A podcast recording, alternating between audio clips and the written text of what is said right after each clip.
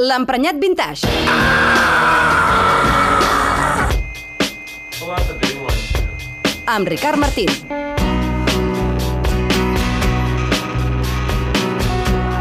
Bon dia, carcamals experts. Del passat ens arriba una veu inquietant i sàvia que ens advertia del malson que estem vivint avui, a mesura que els millennials assumeixen parcel·les de poder. Us recordeu? El milenarismo va llegar. Sí, nanos, ja ho va dir el dramaturg Fernando Arrabal. El millenarismo ya ha llegado. I Arrabal, tota una força del caos per dret propi, sabia de què parlava, perquè el mil·lenarisme ha arribat en forma de gurús de l'ordre. Us heu fixat que hi ha tota una generació fascinada per Mary Kondo? I declare I don't care no more.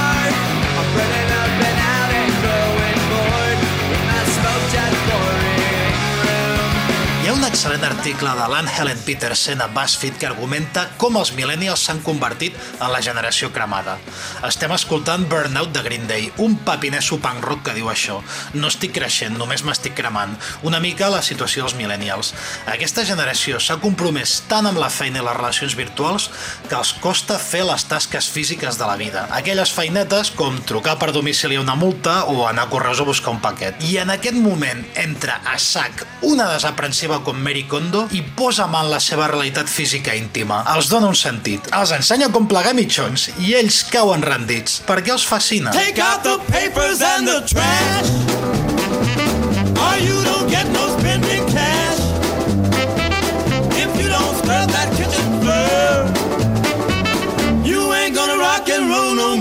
Escoltem Yak et Yak de The Coasters, aquell clàssic dels anys 50 on uns pares es broncaven el seu fill per aconseguir que ordenés la casa. L'amenaçaven amb no deixar-lo sortir. Mary Kondo fa el mateix amb els millennials si no endrecen, però els espanta amb allò que els terroritza més. Si no ordenes els calçotets, no seràs feliç. Adeu, unicorni! Everywhere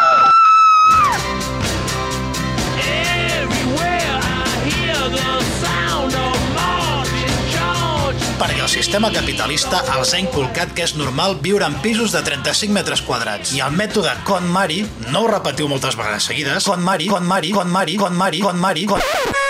reforça aquest status quo. Has de viure en un cubicle, tenir tres coses ordenadetes, fer ioga i estar relaxat. No fos cas que et vinguessin al cap ganes de sortir a trencar coses al carrer i exigir els teus drets, com ha passat a França. I sobretot no tinguis més de 30 llibres. No pots ser feliç. Doncs jo dic que amb 30 llibres no en tens prou per ser feliç. En tens prou per ser un ignorant. Yo soy Groot. Ara bé, després de la Mary Kondo arriba una cosa sueca encara molt més truculenta.